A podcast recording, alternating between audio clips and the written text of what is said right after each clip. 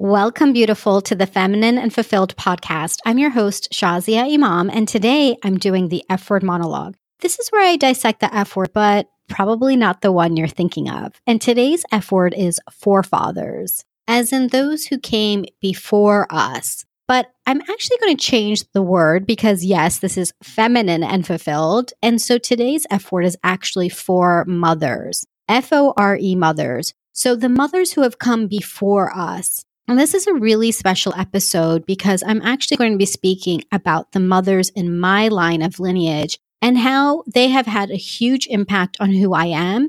And also a big decision that I made recently to really shift some of that generational stuff that gets carried on generation after generation after generation. And I made a really strong decision around that that I want to share with you because it was a real pivotal moment for me in how I'm going to move forward in my life. So let me take you to the moment where this all started from. And it probably started even before I was born. But a few weeks ago, I was at a retreat called Sacred Bliss, and I was standing on the beautiful beaches of the Riviera Maya in Mexico. And we were sent out to do an exercise around our mothers. That includes our mother and our grandmother on our maternal side. So I went out to do this exercise. And to give you a little bit more background, Sacred Bliss is this beautiful retreat that is led by Krista Petty, who runs a weekend workshop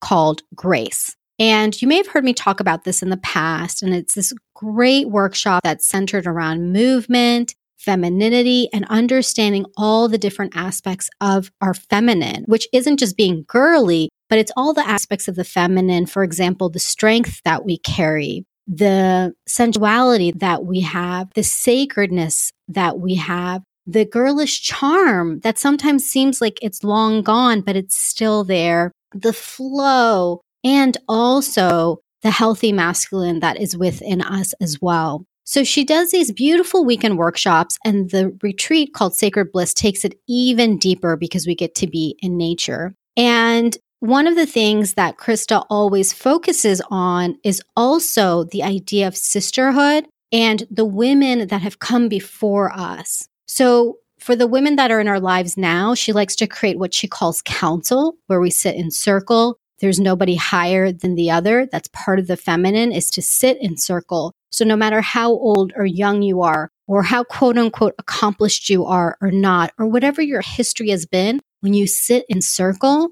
then you are equal. And it's beautiful. And we've done these exercises too about our ancestry and thinking about our own mothers, our grandmothers, and then our great grandmothers and beyond. And it's been one of the most profound experiences to really connect back to my own family legacy and really dive deeper into it in a more sacred way. For me, for a long time, I used to think about family as, oh, I get certain traits from my mom, I get certain traits from my dad. And I thought that's just the way things are. And if you haven't already, you can hear more about our family and kinds of the ins and outs if you check out the cousins episode. It's called Lilas, and that's episode 77. And you actually will get a sneak peek into what it's like being in our family because we talk about things a lot, my cousins and I, and how there are just certain traits that we had as these women from our maternal side that were like, oh my gosh, some are fantastic.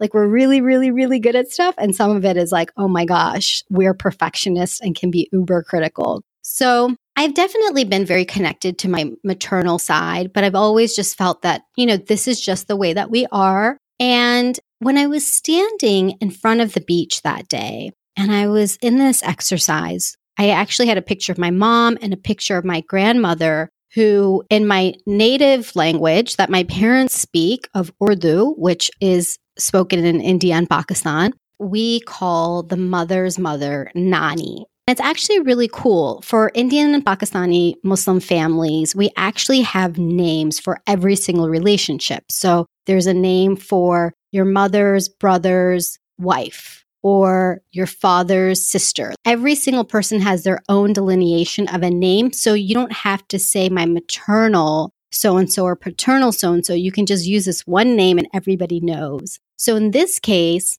my nani is my mother's mother. And so I had a picture of my nani and my mom. I had a chance to really reflect on them. You know, I started by looking at my nani's picture. I saw this woman in white. And why was she in white? She was wearing a white sari. She had this just look of, at that time, it was a black and white pictures and she had the sari, the end of the sari, like almost, I guess you would call it the label. Actually, I don't know what the proper term is, but the part that hangs, it was over her head. And she had worn this white sari for a very, very long time until actually she passed away just a few years ago.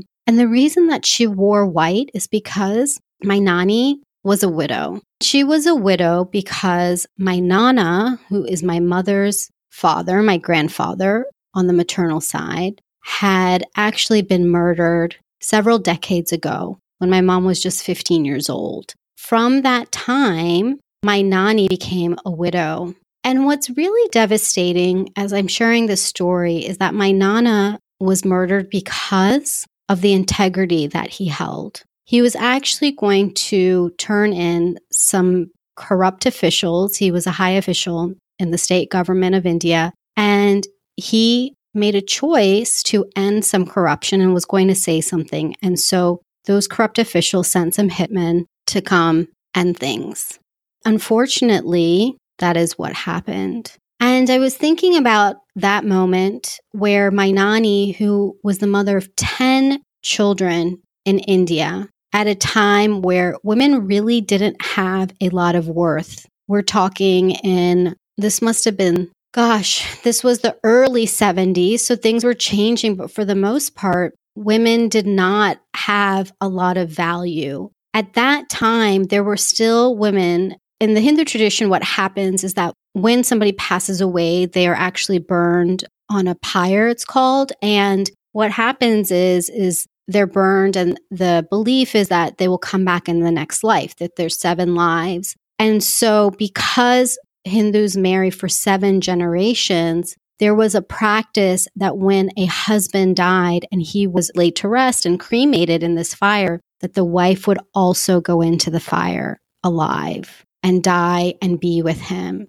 Now, that tradition has long since been banned, but that tradition of widows almost being something like a bad omen carried on for quite some time. And so widows would wear white. And even though my nani, my family is Muslim, we're not Hindu, but because we lived in India, that culture really cascaded through all the religions that live in India, which is a multitude of religions and cultures and languages, such a rich history in India. I won't get into it too much. But this one piece of widows really being looked at in a certain way can you imagine? I can't imagine what my Nani went through, that her life in just moments changed like that. That now she had 10 children to raise, eight of which were girls. And girls, again, in India, they were frowned upon because girls were looked at as though they were a burden. They were looked at as a burden because they couldn't necessarily bring in income.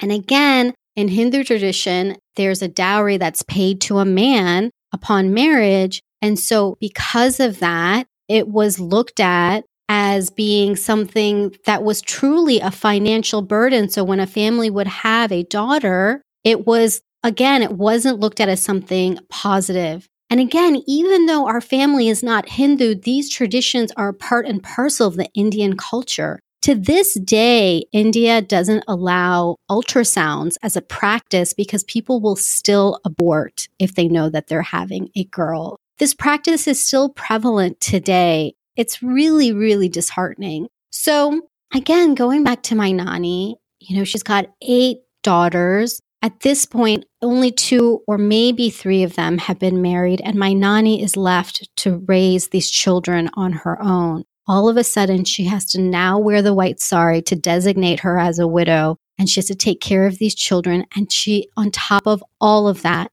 lost somebody that she loved the most her husband. And everybody who knew my Nana loved him. Everybody to this day, if anybody speaks about him, whether it's his family or whether it's somebody who worked for him, they speak about him with the greatest respect. So, in just one moment, all of these lives were changed. And so my nani went on to get her daughters married, one of whom is my mother. And my mother, at 18 years old, met my father. She met him on their wedding night. On their wedding night, it was an arranged marriage. That was the first time that she met him. And she was going to move halfway across the world with the man that she had just met. I can't even imagine. I literally cannot imagine what that would be like. And so that's what she did. That's what had to happen. My mother came to the States,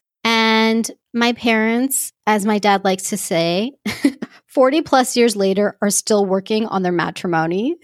Let me just say that to keep it nice and respectful to my parents. But my mom definitely, if I'm speaking about her perspective, and of course, my father has a perspective too. But my mother definitely struggled. She lived in a country where she didn't know anyone. Her family was all across an ocean or more. She had to start life here on her own. She went from living in a beautiful house with a courtyard and servants and a really nice life to coming here, living literally in an apartment filled with cockroaches, because that's how many immigrants started here in America. My parents immigrated here. It was the mid 70s. My father, although he was highly educated with a master's degree, he started off as a security guard because that's all that he was able to do when he first arrived. So my mother had to live in a cockroach infested apartment with a man she had just met and start a life. And she did it.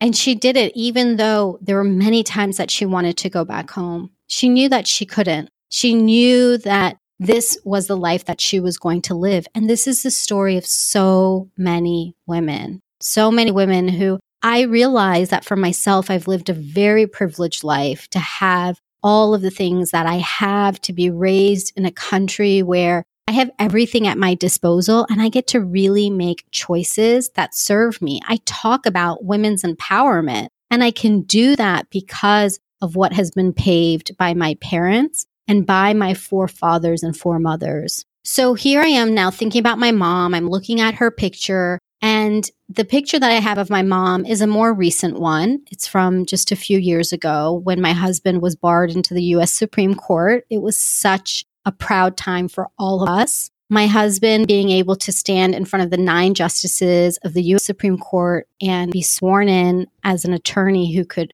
bring a case to them was such a proud moment. And so there's this beautiful picture of my mom wearing, ironically, white. I didn't make that connection until now, but she was wearing this white shalwar kameez, which for South Asians, the shalwar kameez is a long tunic type shirt that can go either above the knees or below the knees. And then there's almost harem style pants, is how I would call them. They're wide legged, but then they taper at the bottom. And so my mom was wearing this really beautiful white shalwar kameez. And at the neckline, it was beautiful beaded work and like a light pink and green that looked almost like a flower on the top. It was just beautiful. My mom was looking so stunning. And for her, she got really dressed up because this was such a proud moment for her. So I'm looking at this picture of my mom. And so I can see the age in her eyes. I can see the age in her face. And I was thinking about her life. I was thinking about what it was like at 18 to think you have your whole life ahead of you and then you have to pick up everything and move. Or even being a 15 year old and just wanting to enjoy life and then realizing that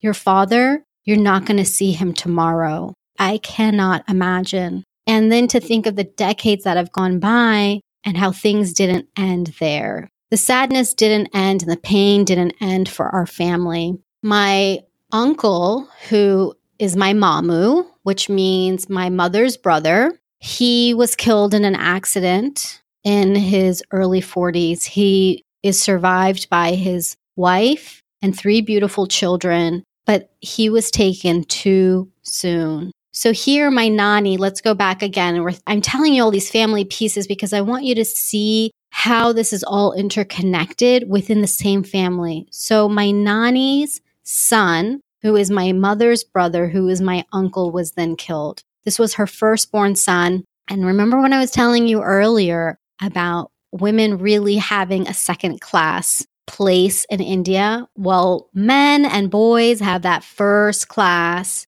space. The son, and especially the firstborn son, is like the prize of a family. They are the ones that the family looks to to take care of them. They are the ones that are coddled and loved and really raised to be kings. They mean a lot because they often end up in a patriarchal role as well and in a fatherly role, not a patriarchal role that's negative, but oftentimes they can take on that father figure role. And in the case of my mamu, Tundu Mama is what I used to call him, he was that. When my nana was killed, Tundu Mama was the one who came and really took care of everybody. He was the man of the household. And for him to be taken was devastating. I remember coming home and my mom was sobbing and sobbing and sobbing. And I was a, you know, a young teen, a preteen at the time, and I didn't know how to handle it. I didn't know what to do. And now when I think back on it, I feel so bad because I wish I could have been more of a comfort to my mom because now I can only imagine what it was like for her to lose her dad and then her brother. It feels like there was all this loss. And on top of that loss, I think about my khala, which is my mother's sister. Oh my gosh, I'm, i feel like I'm giving a lesson on all of the different family names. So, my khala, my beloved Muni khala, she also suffered a lot of loss. So, she had lost her father, and then she also lost her husband, and she was left with four kids. I know I'm sharing a lot of loss, but I want you to understand right now the depth of the pain in our family because then the pain continues. It continues. There's so many stories that don't involve death, but there's a lot of various pain in our family, just so much heartache. And for me, in 2008, when I had to call my mom, she was actually visiting my other khala in Michigan because my khala's husband at the time was dying of cancer and she had gone to be with her sister to support her. We actually had to call my mother back and tell her to come right away and fly her out on the next flight because I had gone into labor, I had delivered, and my son had passed away. And Chotu Sonu, as I like to call him, you may already know about him. I talk about him often. He passed away. And even though now I believe he's in heaven, that moment I remember when my mom walked into the room and she saw him and she just cried and cried and cried. And I felt so bad. And I felt like I had just continued the tragedy in our family, and it was so devastating. And I had felt like I had let my mom down. And of course, like I was grieving too. And I just thought, why do we have so much loss in our family?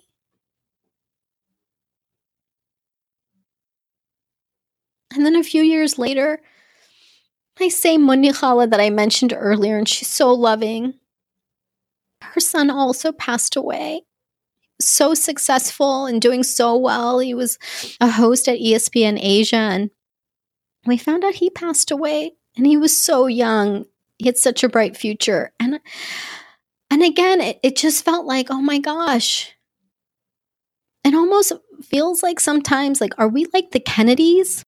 There's just like so much heartache after heartache after heartache.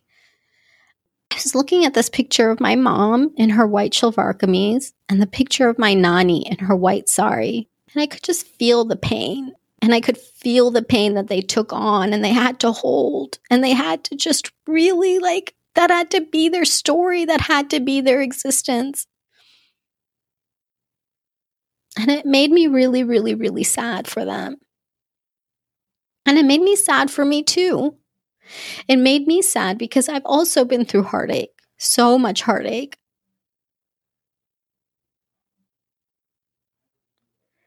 But what's different is that I don't want to hold on to the heartache anymore. And I made a really powerful decision in that moment that I'm going to end the cycle of pain. Because the thing is, if I'm going to be completely honest, is that heartache happens to everybody. I imagine that you've experienced heartache in your life, that there have been things that have kept you up at night in tears, sobbing from the depths of your soul. Nobody's immune to heartache. We all have heartache. Everybody has a story, but we are not relegated to live our lives in heartache or to live them in misery. And I made a choice that pain is not just something that is an innate part of me. No, I made a choice that I end the pain now. I end it now and I make a decision to live a life of pleasure. This was a monumental decision for me. Monumental because I've always believed that there's always pain somewhere, that something's always going to happen. And that's really what I've been raised with too. When I think about my mom, my khalas, my nani, my cousins, this is a story that we are all too familiar with, all too familiar with. It's one that I feel in terms of my family, in terms of my ancestral makeup, in terms of generation after generation, it's something that's almost expected. And you're just supposed to make the most of it. That's the story that I've been told, or that's the story at least that I've made up. And that misery is somehow supposed to be a part of my life, and I just have to deal with it. And so I kept asking myself the question of will I ever be content? Will I ever be satisfied? Will I ever be truly happy? Or will I always be on a quest to move past this misery that's a part of me? And I realized in that moment on the beach, looking at the waves, looking out at the majesty that God had created in the water, the waves continuing to lap at the shore, continuing to rise up and crest and then fall and then repeat itself against the rocks, creating that beautiful sound of the waves hitting the rocks, hearing the birds in the distance, seeing the sunlight in the late afternoon, and realizing God didn't create a world that's ugly. God created a world of beauty, one that is surrounding us all the time, even when things are so, so, so bad and they seem so dark nature still continues to be beautiful. God is always showing us beauty. And I realized I really have a choice. It's that simple. I choose to end the generational pain. I choose to end this ancestry of women who have struggled and suffered, and that gets to be my gift in the world. Whether or not I bear children again of my own biologically, or I get to teach women and teach girls of the next generation what is truly possible for them. It doesn't matter who's on the other side. It's that I get to make the choice to end this cycle of pain. And that's what I did. I made this choice, and it was so powerful for me because it doesn't take away from the pain that has existed in our families. It doesn't take away from the reverence I hold for every single loss that we've had it doesn't mean that I don't love and adore my grandmother, my nani, my khalas, and of course my mom, but I get to make a different choice. Because when I think about them, and I think sometimes how it's easier to just believe that the pain is the only reality, I know that that's not the truth. I think about my nani, who in the end, in her last days, she really struggled. She really struggled with depression she struggled with feeling like her life truly did not end up the way that she'd expected, that the relationships she wanted a stronger bond with were not there. And that makes me really sad because she had a choice. And I don't judge her in any way, but it was easier for her to go through the path of the sadness and the misery. And she's not the only one. This isn't a story that's only unique to her. I see so many women of that generation, so many women in the auntie generation and my mom's generation who carry that same weight. Have they been through so much? Yes. Yes. Have you been through so much? Absolutely. And do you have to live a lifetime in shackles of misery? No. Does it have to be some complicated thing to break those shackles? No. Because God has never shackled you. God really wants what's best for you. You will be tested. I will be tested. There will be hardship and there will be infinite eases. Infinite eases. That is what is promised. And so, what would life look like if you focused on the eases? What would life look like if you lived in ease, if you gave yourself that permission? What if you gave yourself the permission to end the generational pain that's a part and parcel of your family? Every family has it. How would that feel? I know for me to make that very simple decision allowed me to feel liberated and free and actually like I was going to make a difference. It was like I could take the weight off of my back and really show up in this world in a way that is going to make a difference.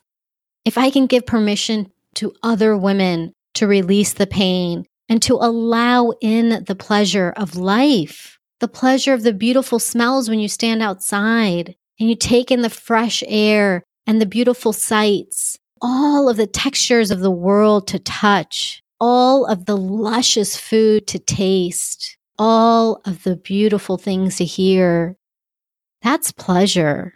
It's pleasure to be in this world and to enjoy it, to enjoy it with every fiber of your being. And I want to be an example of that. I am an example of that. And making this choice to say, I am not going to continue this generational and ancestral pain is a powerful choice that I get to make. And I'm really proud of myself for making this decision. And I'm really grateful for the capacity to make this decision. I've always felt very grateful to God that He's given me this capacity to look at things in a way beyond just the status quo.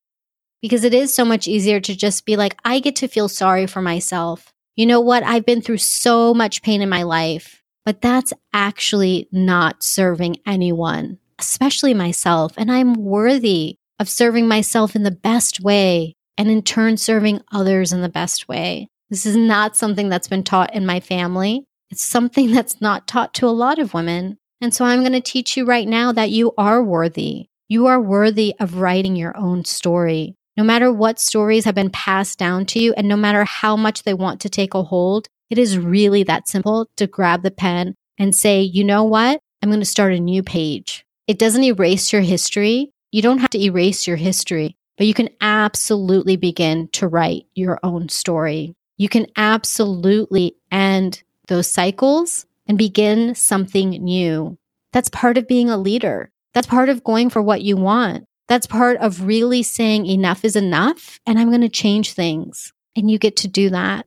So I would love for you to take time to reflect and you can do the same exercise that I did or you can make it your own, but take some time to really look at your mother and your nani no matter what culture you're a part of now, you know what Nani means, your mother's mother. Take a time to really reflect on their story and what they've handed down to you. Because the truth is, is that they've handed down a lot of wonderful things. I can definitely share a lot of great things that my Nani and my mom passed down to me, which is work ethic, doing things right, not worrying kind of about the things that don't matter, but just really doing your best and my mom, especially teaching me independence and not having to fit in. She was very different in that way. She's been very different for her time and her generation. So there's beautiful things that you can look at that you've been given by your mother and your nani, but there's also things that were given to you that you didn't ask for.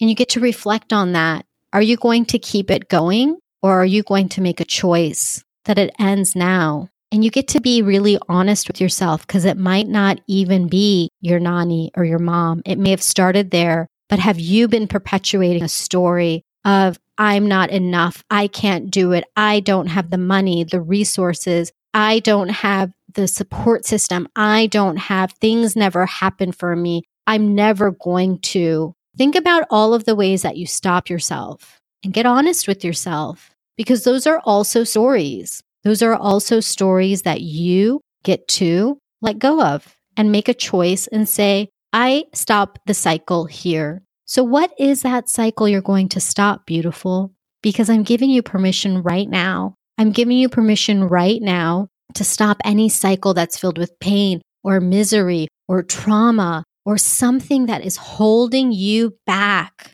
It could be a story about how women are not supposed to do that. They shouldn't be too loud. They shouldn't dance. They shouldn't be up on stage. They shouldn't be saying too much. They shouldn't be too much, make too much money, be too educated, be fill in the blank. Whatever those stories are, you get to let them go.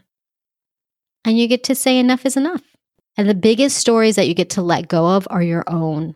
As much as I want to look and say, it's the generational pain that I said I'm going to end the cycle, if I'm being really honest, I decided to just end that cycle within myself, the story that I was perpetuating, because my mom never taught me to be miserable. She never told me that. In fact, she wanted everything for me.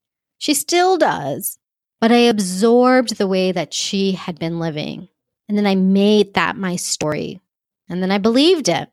And so, what stories are you believing that you have made up about yourself that get to change right now in this moment? And say it to yourself I commit to ending and then fill in the blank.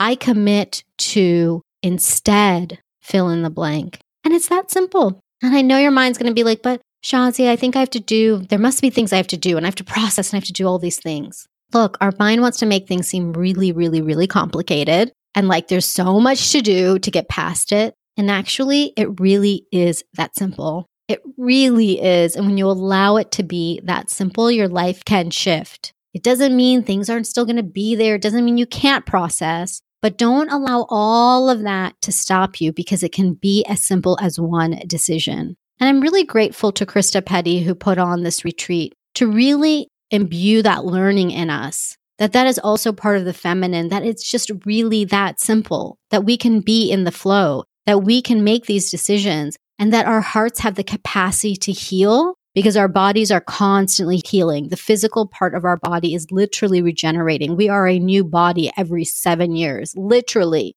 There's not one cell that existed seven years prior. So even any traumas that we have felt physically, our body has shed that part of ourselves. But our mind wants to hold on to things. Our mind wants to believe the stories. Our mind wants to hold on because it feels better. And you don't have to anymore. It gets to be just so simple. Your miraculous body is continuously regenerating. Your heart is filled with endless capacity of emotion, which also includes things like love and happiness and pleasure and fulfillment and contentment and joy. It has just as much capacity for that as it does for all of the other heavy feelings. So why not make space for those? I'm so passionate about this for you because I don't want anything to stop you from what it is that you are meant to do in this world. I don't want any story to be so overpowering that that becomes the narrative that is not your reality, but tries to be. So again, what decision are you going to make? It's that simple. And I would love to hear your decision. I would just be over the moon if you let me know that I committed to this decision and you let me know what that is so that I can hold that space for you and I can say, yes, yes, you get to have that beautiful and you get to live this full life. So you can always reach me at thelifeengineer.com slash contact. And I'm always here to hear about your ahas, your takeaways, your breakthroughs, and in this case, the big decision that you are going to make for your life and the cycle that you are ending so that you can move forth in the world as you're meant to. Because no matter what your forefathers or your foremothers did, you get to be the new start for the generations to come. Until next time, Lilas, love you like a sister. Oh, and one last thing before I forget, I wanted to give you a really special gift because how could I not? I actually have a list of my favorite things that make me feel feminine and fulfilled. And I would love for you to have it so that you can grab whatever you want from the list. So if you want to see my list of my favorite things, go to thelifeengineer.com slash favorite. And it is a full list of all of the things that I love and all the links for you to grab them. So that's thelifeengineer.com slash favorite. And I just had to give you a gift, beautiful, because you deserve a fabulous gift. And why not all of the most favorite things to make you feel feminine and fulfilled? Okay. Love you.